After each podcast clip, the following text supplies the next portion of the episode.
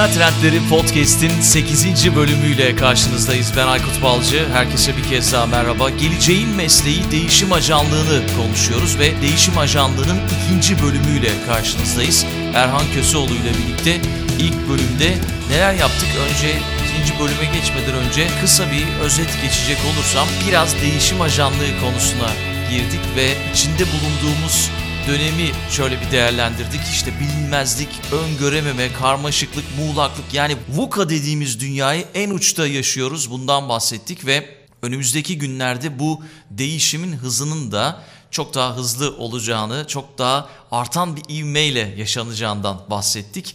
Ve tabii ki koronavirüsü hakkında konuştuk. Şirketlerin artık değişime direnç göstermenin maliyetinin değişmekten daha pahalı olduğunu anladıklarından bahsettik ve örnekler verdik. İşte nasıl örnekler verdik? Bunun en güzel örneği Fortune 500 listesindeki şirketlerin %90'ının son 50 yıl içerisinde yok olması ve önümüzdeki 10 yıl içerisinde de şu an listedeki şirketlerin yarısının var olmayacağının öngörülmesinden bahsettik. Onun dışında değişim konusuna girdik. Değişim yazsak şöyle bir Google'a baksak milyonlarca sayfa değişimle ilgili şey buluruz. Bu kavram hayatımızın tam merkezinde yaşayan, hep dilimizde olan ama iş ona adapte olmaya gelince maalesef çoğu insanın, şirketin, organizasyonun ne yapacağını bilmekte zorlandığı bir durum. Bundan bahsettik ve örnekler verdik işte Elon Musk'ın örneğini, Nokia örneğini, Ericsson örneğini verdik, Kodak örneğini verdik. İlk bölümü bence dinlemediyseniz değişim ajanlığı kavramı ile ilgili her şeyi orada bulabilirsiniz. Peki Dünya Ekonomik Forumu tarafından yayınlanan Geleceğin Meslekleri raporu önümüzdeki yıllarda ihtiyaç duyulacak 10 yetkinliği sıralamıştı ve bunu açıklama kısmında, podcast'in açıklama kısmında da paylaşacağız. Bu 10 maddeyi açıklamaya devam ediyoruz ve kaldığımız yerden devam ediyoruz. Nerede kalmıştık Erhan? Şu anda 6. 6.dayım. 5.si eleştirel düşünme ve analiz. Evet. E, 6.sı aslında karmaşık problemleri çözebilmek. Şimdi karmaşıklık belirli neden sonuç ilişkilerinin olduğu fakat çok fazla girdinin olduğu ve beraberinde farklı girdiler arasındaki ilişkileri anlamanız ve algılamanız gereken durumun kendisi. O yüzden böyle bir durumla baş edebilmek için elinizde olan tek araç var o da deneysellik. Ve deneysel yaklaşımlarla her seferinde her deneyi bir öğrenme fırsatı olarak görüyor olmak çok önemli. Bununla ilgili de çok güzel bir örnek var. Hatta yazılmış da çok da güzel bir makale var yanlış hatırlamıyorsam. Booking.com'la ilgili Harvard Business Review'de yayınlandı yine geçen sene.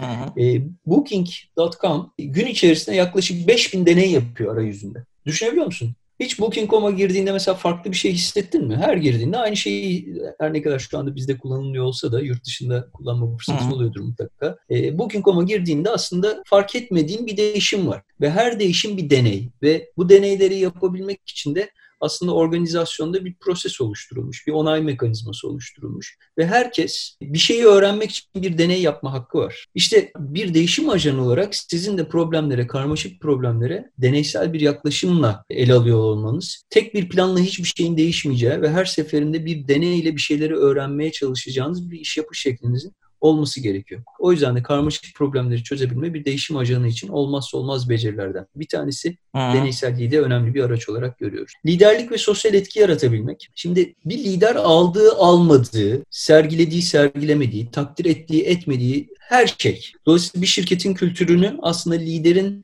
genel olarak varoluşu belirliyor. Yaptığı ve yapmadığı, söylediği ve söylemediği her şey bir liderin organizasyon içerisindeki etkisini belirliyor. O yüzden de bir organizasyonun zihinsel esnekliği ve etkinliği liderinin toplam kapasitesi kadar. Yani bir organizasyonda liderleriniz ne kadar insan odaklı, ne kadar sosyal etki yaratma becerisi yüksek, ne kadar esnekliği fazla, ne kadar farklı deneysel yaklaşımları açık ve öğrenme odanda ise organizasyonda o oranda, o oranda bu becerilere sahip oluyor. Ya da tam tersi lideriniz ne kadar kendini içerisinde kendi statükosunu korumaya odaklı, ne kadar kontrol odaklı, ne kadar enerjisini iş ve sonuç üretmekten ziyade tartışmaları ve gerilimleri tetiklemek üzerine kuruyorsa da organizasyonda o oranda. Bu da bir başka ekstra. Organizasyonda o oranda o becerilere sahip oluyor. Bu yüzden de liderin komuta kontrol anlayışından uzaklaşıp ekipleri için daha net bir vizyonu belirlemeye odaklanması, doğru ölçüde otonomiyle desteklemesi ve gerçekten bir değer yaratmaya odaklanması çok önemli. Çünkü bir liderin görevi iş planı yapmak değil, doğru iklimi yaratabilmek. İşte değişim Hı-hı. ajanı olarak da siz de o değişimin lideri olarak o değişimin kurallarını, metodunu belirlemek değil, o değişimin yaşayacağı doğru iklimi yaratmaktan da sorumlusunuz. Az önce çevik organizasyonların çevik çalışma ortamlarında çalışması lazım dememin nedeni de buydu işte. O iklimi yaratan şeylerden bir tanesi de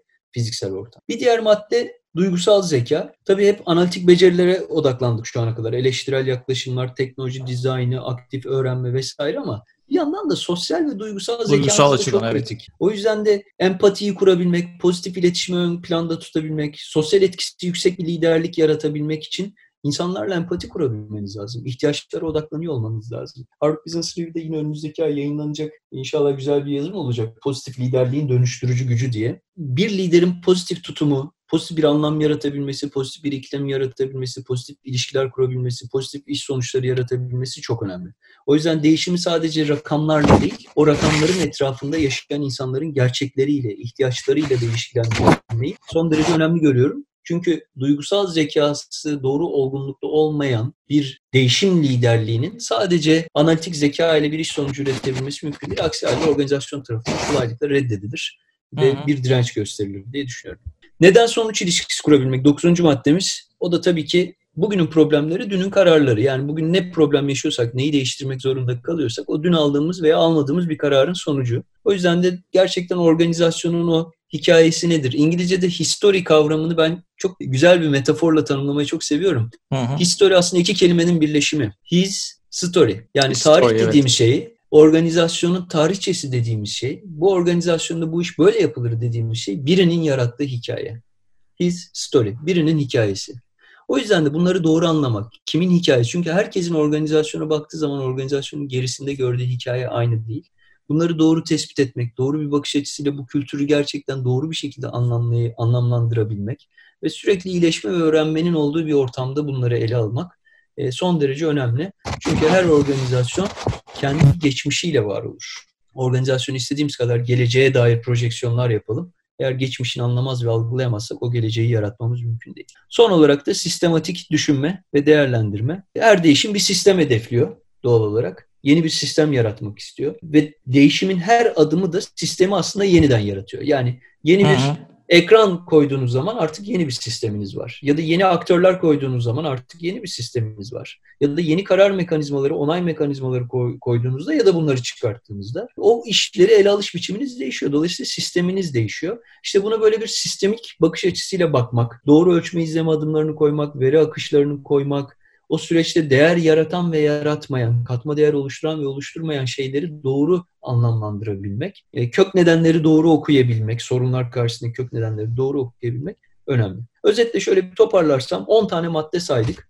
Bu 10 madde analitik düşünebilmek, aktif öğrenebilmek, yaratıcı yaklaşımlar, teknolojiyi etkin bir şekilde kullanabilmek, neden sorusuyla resmi sorgulayabilmek, karmaşık problemleri basitleştirecek yaklaşımları uygulayabilmek, liderin duygusal zekası, sosyal zekası, neden sonuç ilişkilerini kurmak ve her şeye bir sistem bakış açısıyla bakmak, sistemin girdilerini ve çıktılarını anlayabilmek bir değişim ajanının bence önümüzdeki yıllarda ihtiyaç duyacağı en temel beceriler. Şimdi peki o zaman şimdi değişimi anlamak ve öneminden bahsettik, maddeleri saydık. E, az çok az önce de bahsettik şirketlerin neden değişimde başarısız olduklarından, neden hedefledikleri çıktılara ulaşamadıklarından, neden şirketler değişimde başarısız oluyor? Bu konuda biraz daha böyle verebileceğin örnekler var mı? Ya da neden hedefledikleri çıktılara ulaşamıyorlar? İnanmadıkları için yani değişime inanmadıkları için olabilir mi? Ya da değişime kimler inanmalı? Bununla ilgili verebileceğin örnekler var mı? İşte Nokia örneğini verdik. Apple, Apple Nokia'yı geçti. Sadece 4 sene gibi bir kısa sürede 2000 2009 yılında Nokia pazarda çok iyi bir paya sahipti ama senin söylediğin gibi 2013 yılında 7 milyar dolara Microsoft'a satıldı. Sadece 4 sene gibi bir sürede Apple aldı yürüdü gitti. Veya Hı-hı. diğer markalar. Samsung'u da dahil edebiliriz. Şimdi bence sorunda çok önemli bir nokta var. O da şu. Değişime acaba inanmıyor muyuz? Şimdi bence değişime inanmaktan çok değişime inandırmak daha önemli bir dert. Çünkü bir şirketin, bir organizasyonun en tepesinde birileri bir resmi okuyor, yorumluyor ve diyor ki benim bu resmin içerisinde var olmam için başlatmam ya da yaratmam gereken değişimin bu olduğunu düşünüyorum diyor ve en tepede bir vizyon oluşturuyor. Fakat iş aşağıya doğru akmaya başladıkça artık onun nasıl olabilirliği değil, nasıl olamazlığı daha fazla şirketin ajandasını oluşturmaya başlıyor. İşte bu noktada bence şirketin liderlerinin tutumu, konuya ele alış biçimi, değişimi yorumlayış biçimi, ortak bir paydada buluşma biçiminin ben çok kritik olduğunu düşünüyorum. E, yine çok enteresan bir istatistik. 2018 yılında yapılmış bir araştırma. Forbes ve Oracle tarafından yapılmış. 580 lider üzerinde, büyük ölçekli şirketlerin 580 lideri üzerinde yapılmış olan bir araştırmada liderlerin %90'ı değişimin çok önemli olduğu ve şirketlerinin değişim ajandalarının gerçekten en önemli önceliklerinden birisi olduğunu söylüyor. Fakat çok enteresan bir istatistik daha var. Bu liderlerin aynı zamanda yaklaşık %50'si maalesef şirketlerinin şu anda böyle bir ölçekte, büyük ya da orta ölçekte herhangi bir değişime hazır olmadığını düşünüyor. Yani bir lider olarak görevin şirketimi değişe, şirketi değiştirmeye hazırlamakken ve değişimin önemli olduğunu düşünüyorken sen hmm. diyorsun ki benim şirketim %50 oranında böyle bir değişime hazır değil. Şimdi bu bence çok önemli bir mesaj. Yani değişime bir kere inanması gereken kişiler zaten liderler ama inandırması gereken kişiler de liderler ve değişime inandırmanız için birkaç tane aracı çok iyi çok iyi kullanmanız gerekiyor. Bunlardan bir tanesi değişimi nasıl yorumladığınız ve insanlara bunu nasıl anlattığınız, nasıl hikayeleştirdiğiniz, buradaki fırsatları ve tehditleri ne kadar doğru bir şekilde kullanabildiğiniz. Yani Kodak örneğini verdik. Kodak yıllarca çalışanlarına ya bu işin zaten mucidi biziz. Binlerce patentimiz var. Kodak işte fotoğrafçılık endüstrisinin zaten lideridir, amiralidir mesajını yıllarca verdi. Hı hı. Ve bugün Kodak yok. Dolayısıyla o değişimi nasıl yorumladığınız, nasıl anlattığınız ya sizi işte 143 milyar dolarlık bir şirketten 7 milyar dolara nasıl satıldığınız senaryosuna sürükleyebiliyor. Bir diğer konu da değişimi iterasyonlarla yönetebilmek. Yani her seferinde üzerine kat çıkarak, her seferinde o bir, bir sonraki denemeden bir şeyler anlayıp, bir şeyler öğrenip onun üzerine giderek oluyor. Örneğin Google'da herhalde Gmail'i pek çoğumuz kullanıyoruzdur. Aynen. Gmail Gmail aslında bundan yıllar önce Google'ın tamamıyla böyle kendi içerisinde deneysel anlamda yaptığı çalışmaların sonuçlarından bir tanesi. Yani bir mail platformu yaratmak gibi bir isteği yokmuş aslında Google'ın. Fakat çalışanlarının girişimcilik ruhunu besleyebilmesi için oluşturduğu bir programda tamamıyla bir çalışanın bunu ürünleştirmesiyle ortaya çıkmış ve bugün milyonlarca kullanıcısının olduğu bir mailbox platformu. Yine Google'da mesela her hafta zamanınızın %10'u ila %20'si arasında her hafta kullan, kullanabileceğiniz, size tamamen dedike edilmiş deneyleriniz için kullanabileceğiniz bir zaman dilimi var. İş planınızın içerisinde bu %10 ve %20 arasında değişen zaman size dedike ediliyor. Tamamıyla bir projenin deneysel yaklaşımla hayata geçirilmesi için sizi daha fazla e, cesaretlendirmek için yapılan şeyler bunlar. Bir diğer konu değişimi delege etme. Şimdi çoğu zaman yöneticiler ya da liderler sahneye çıkıyorlar. Diyorlar ki böyle böyle böyle böyle rüzgarlar var. Bu rüzgarlar karşısında biz de şirket olarak bunları bunları bunları bunları yapacağız. Evet hadi bakalım başına da bir tane proje yöneticisi koyduk. Yanına da üç tane beraber çalışacağı arkadaşımızı verdik. Bu şimdi projeyi hayata geçirelim. Hı hı. Her değişimin ilk değiştirmesi gerektiği kişiler liderlerdir. Önce liderler değişecek. Önce liderler o değişimin elçisi olacak. Önce liderler o değişimin yüzü olacak ki şirketin geri kalan kısmı da inansın, gerçekten bunun katkısını ve bunun arkasında yatan samimiyeti görsün. Diğer türlü her şey değişsin ama ben değişmeyeyim yaklaşımı herhangi bir değişim yönetiminde mümkün değil. O yüzden önce değişimin yöneticilerden başlaması, değişimin delege edilmemesi çok önemli. Bunun ben bir yönetici hastalığı olduğunu düşünüyorum. Çünkü bununla bu ilgili kolayına kaçmak. Bununla ilgili bir örnek paylaşayım başımdan geçen. Lütfen daha önceki çalıştığım şirketlerden birinde şirket sahibi yani işte yönetici, başındaki kişi her şeyi ilk biz yapan olalım mantığında. İlk yaparsan ismini duyurursun, akılda kalır mantığında. Bahsettiğim sektör radyo. Zaten ben radyodan geliyorum biliyorsun. İnternetle ilgili işte dijitale kayma anlamında bir takım değişimler, yenilikler yapmaya çalışıyorlar. Ama yapmış olmak için yapıyorlar. Hmm gerçek anlamda buna inandığı için değil ve bunu kulağımla duydum. Ben internete inanmıyorum gibi bir şey duydum şirketin sahibinden. İnternete inanmamasının sebebi de şu, internetin radyoyu öldüreceğini düşünmesi. Ve bu yüzden de internetle ilgili yapılan, dijitalde yapılan, radyo ile ilgili yapılan her şeye yapıyoruz ama işte yapmış olmak için yapıyoruz, ilk olmak için yapıyoruz mantığında bakması. Ama hmm. halbuki o değişimi gerçekten anlayabilmiş ve inanmış olsa bugün İsveç'ten bir SoundCloud gibi bir marka çıkıyorsa, İsveç'ten Spotify gibi bir marka çıkıyorsa, Finlandiya'dan Nokia gibi bir marka çıkıyorsa ki sonra hatalarından dolayı düşüş yaşamış olsa da Türkiye'den de belki böyle markalar çıkabilir. Ama bir kere baştan biz böyle yönetici olarak, şirket sahibi olarak buna inanmıyoruz dediğimiz anda baştan her şey bitmiş oluyor. İşte İnandırıcılığını da kaybediyorsun. E çünkü çalışan da inanmıyor ona dediğin gibi. Zaman her şey mış gibi oluyor. Maksat böyle bir şeyde yapıyormuş gibi görünelim, ilgileniyormuş gibi görelim ama bence bu zaman kaybından ve kaynak kaybından başka bir şey değil. Yani şöyle eleştiriler yapıyorlar. İşte İsveç kaç milyon kişi ki oradan nasıl bir marka çıkıyor? İşte biz kaç milyonuz? İşte o milyonlarla olmuyor. O belki zihniyetle olan bir şey. Çok doğru. Çok doğru.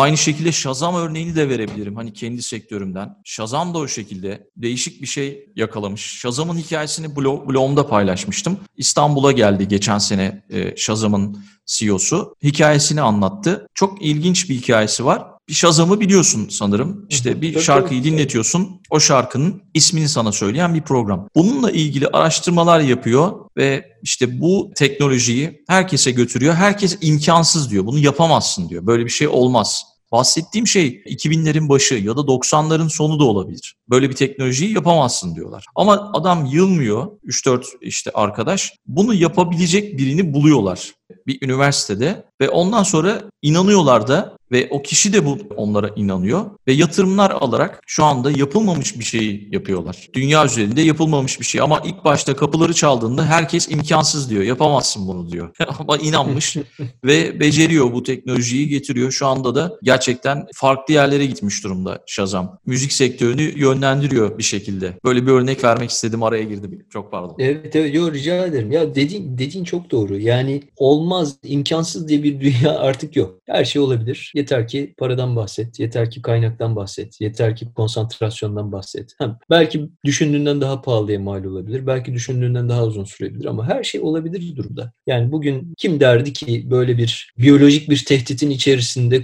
koskoca dünya, bütün insanlık böyle bir resmin içerisinde yaşasın. Hayal edebilir miydik bundan bir ay, üç, beş ay öncesinde böyle bir dünyayı? Kimsenin Hiç aklımızdan bile geçmiyordu. Böyle bir öngörümüz yoktu. Hatta Çin'de yaşarken bu işin Avrupa'da böyle bir şeye dönüşebileceğini bile hiç kimse beklemiyordu. E, ya evet Çin'de yaşanıyor diyorduk. Ama bir anda şimdi Çin resmin dışından çıktı ve şu anda Avrupa'nın problemi haline geldi bu. Amerika'nın problemi haline Dünyanın geldi. problemi haline geldi. Dünyanın evet. problemi haline geldi kesinlikle. Ve o yüzden de imkansız diye bir şey yok. Önemli olan işte bu her şeyin olabileceği, her şeyin gerçekleşebileceği varsayımını hep aklımızın bir köşesinde tutup bunlara bir şeyler gerçekleştiğinde, bir şeyler değiştiğinde sen ne kadar çabuk adapte olabiliyorsun? Karar mekanizmalarını, iş yapış şeklini, olayları algılayış biçimini, iletişim biçimini ne kadar hızlı değiştirebiliyorsun? Teknolojiyi ne kadar etkin kullanabiliyorsun?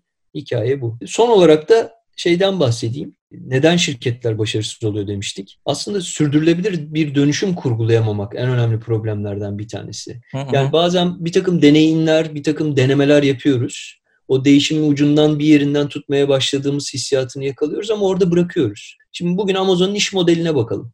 Bugün Amazon tek yaptığı şey aslında bir platform yarattı değil mi? Aynen. Bütün içerik sağlayıcılar Amazon'un platformu üzerinden aslında ürünlerini satıyorlar. Ya da Google'ın bugün tek yaptığı şey aslında bir platform haline gelmek. Dolayısıyla öyle bir değişim, öyle bir dönüşüm yarattılar ki aynı zamanda bunu sürdürülebilirliğini de garanti altına aldılar. Bence en önemli şey bu. O yüzden değişimi sürekliliğini sağlayacak bilgi akışını, dahiliyeti, e, değişimin ne oranda ve nasıl gerçekleştiğine dair şeffaflığı, onu hep ajandada tutacak, onu hep insanların ilgisi, ilgi merkezinde tutacak iletişimleri yapıyor olmak son derece önemli. Şirketler bunu yapamadıklarında, bu doğru platformları, doğru bilgi akışını, doğru farkındalığı ve sürekliliği sağlayamadıklarında değişim böyle bir ufak bir esinti gibi geliyor ve geçiyor. Bazen çok geç kalıyorsun onu tekrar yakalamakta. Bazen aslında sen burada harcadığın ve zamanı bambaşka bir değişim e, rüzgarının içerisinde ziyan etmiş oluyorsun.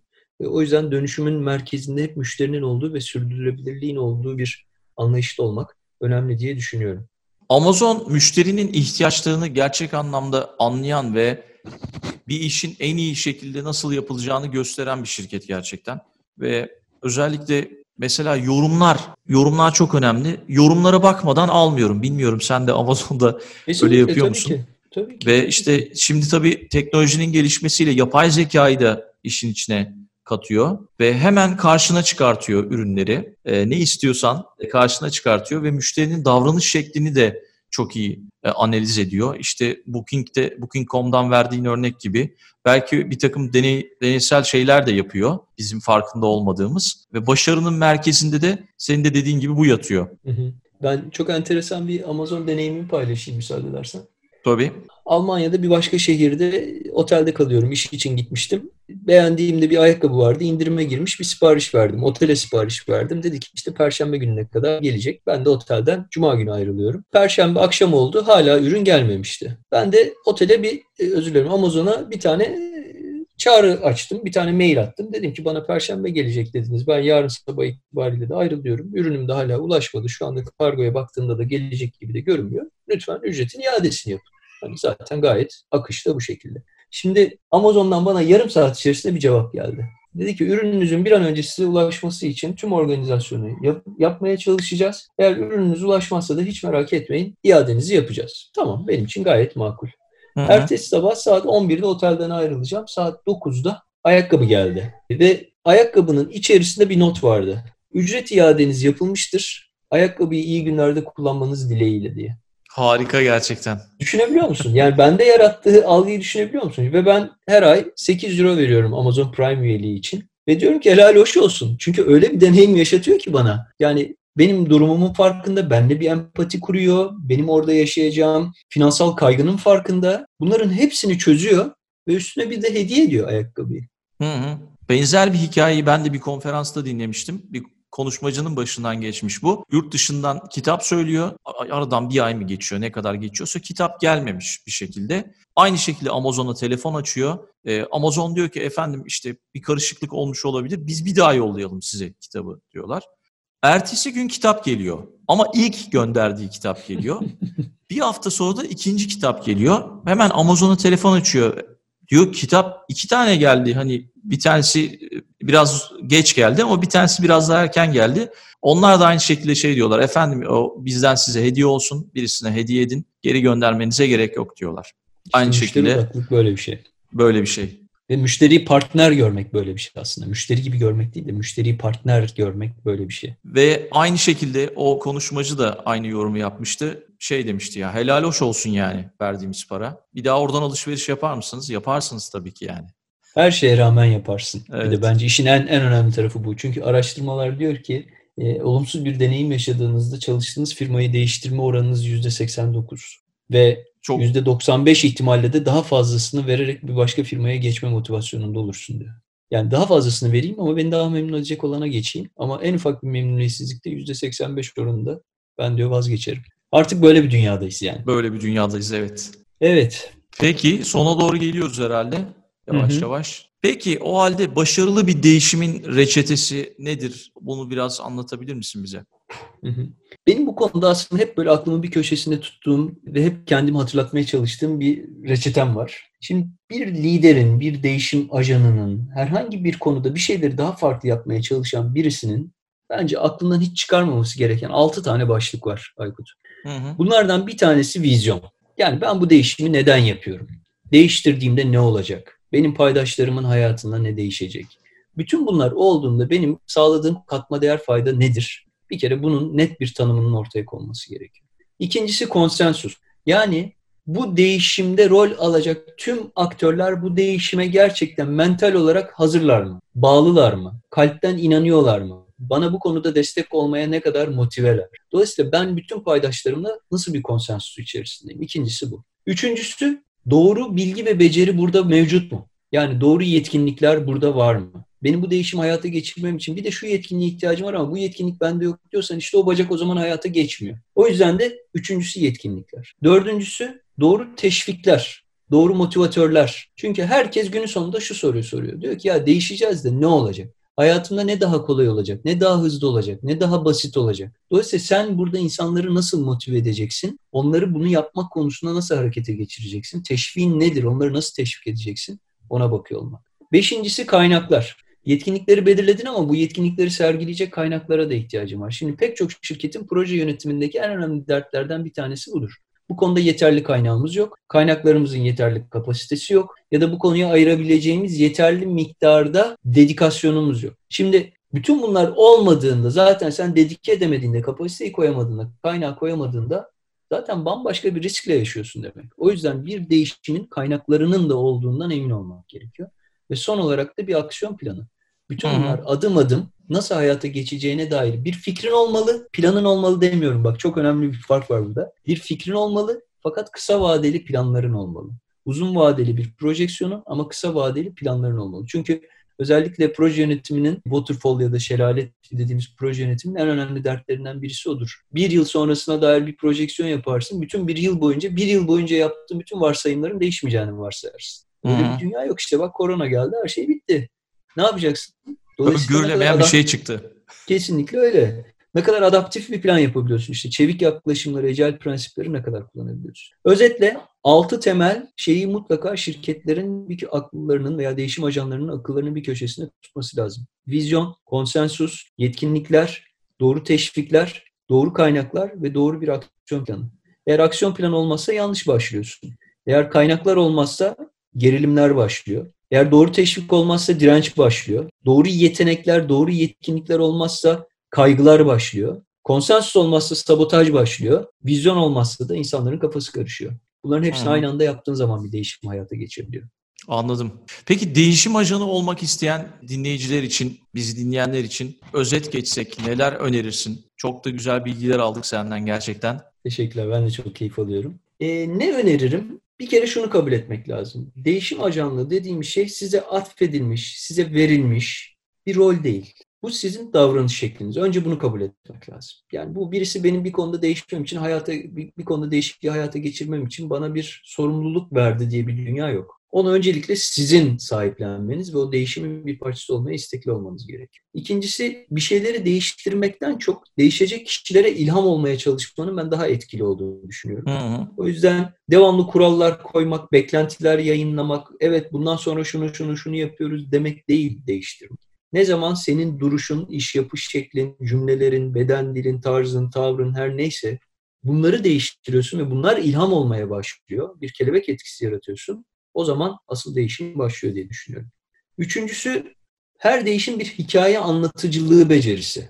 Çünkü bunu hikayeleştirmek, bunu gerçekten insanlar için ilgi çekici hale getirmek önemli. O yüzden hikaye anlatıcılığı ve kendi hikayelerini, becerilerini geliştirebilmek önemli. Sürekli öğrenmek lazım, sürekli okumak lazım diye düşünüyorum. Dördüncüsü bu ya kabul edeceğin ya da tamir edeceğin bir dünya. Yani ben kabul etmiyorum ama bir şeyleri de değiştirmek konusunda sorumluluk almak istemiyorum. Hı hı.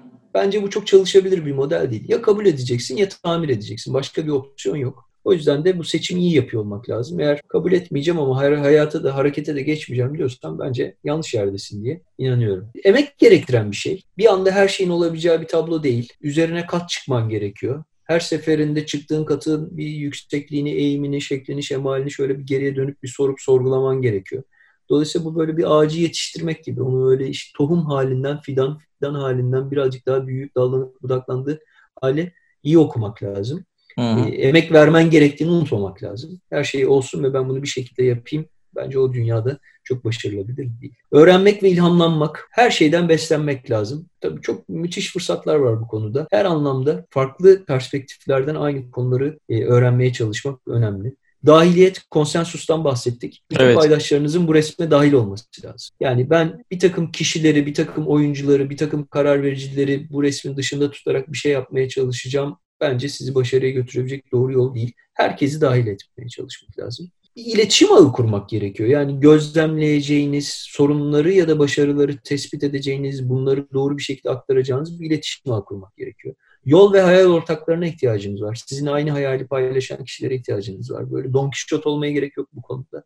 Ama doğru platforma. Aynı Amazon'un ürünleri ürünlerini satmak isteyen insanlar için oluşturduğu platform ya da Google'ın reklam vermek isteyen insanlar için oluşturduğu bir platform gibi sizin de değişiminizin bir parçası olmak isteyen insanlar için bir platform oluşturmanız gerekiyor. Hı hı. Ve son olarak da rol model olman gerekiyor tabii ki. Rol model olmadığın durumda değişim konusunda inandırıcılığının olması bence mümkün değil. Benim kabaca kafamdaki reçete aslında bu.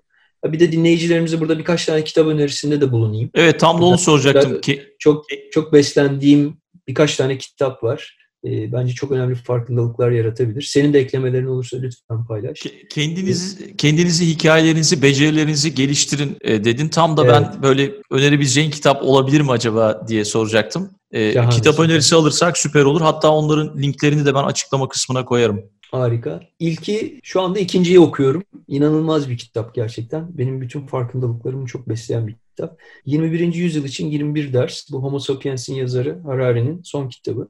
E, mutlaka okumanızı tavsiye ederim. Geleceğe dair projeksiyonlar konusunda çok başarılı bir kitap. Bir diğeri eksponansiyel organizasyonlar. Bunların hep Türkçeleri var. Salim İsmail'in yazmış olduğu bir kitap. Singularity University'nin kurucularından. Özellikle bu şu anda yaşadığımız eksponansiyel dünya yani her şeyin geometrik arttığı, datanın, bilginin, tecrübenin, değişimin her şeyin geometrik yaşandığı bu dünyada var olan şirketlerin yolculuğunu anlatıyor. Bir diğeri veri stratejisi Bernard Marr'ın kitabı. Özellikle datanın önemi, big data'nın önemi ve veriyi doğru doğru kullanarak iş modellerinin nasıl farklılaştırılabileceği ile ilgili çok güzel içgörüler paylaşıyor. Son olarak da Ufuk Tarhan'ın T insan aslında bir birey olarak edinebileceğiniz bilgi, beceri, tecrübeler, gelecekte sizden neler beklenecek bunlarla ilgili e, çok güzel çıkarımlar yapabileceğiniz güzel kitaplar diye düşünüyorum. Bunları okuyuculara tavsiye edebilirim.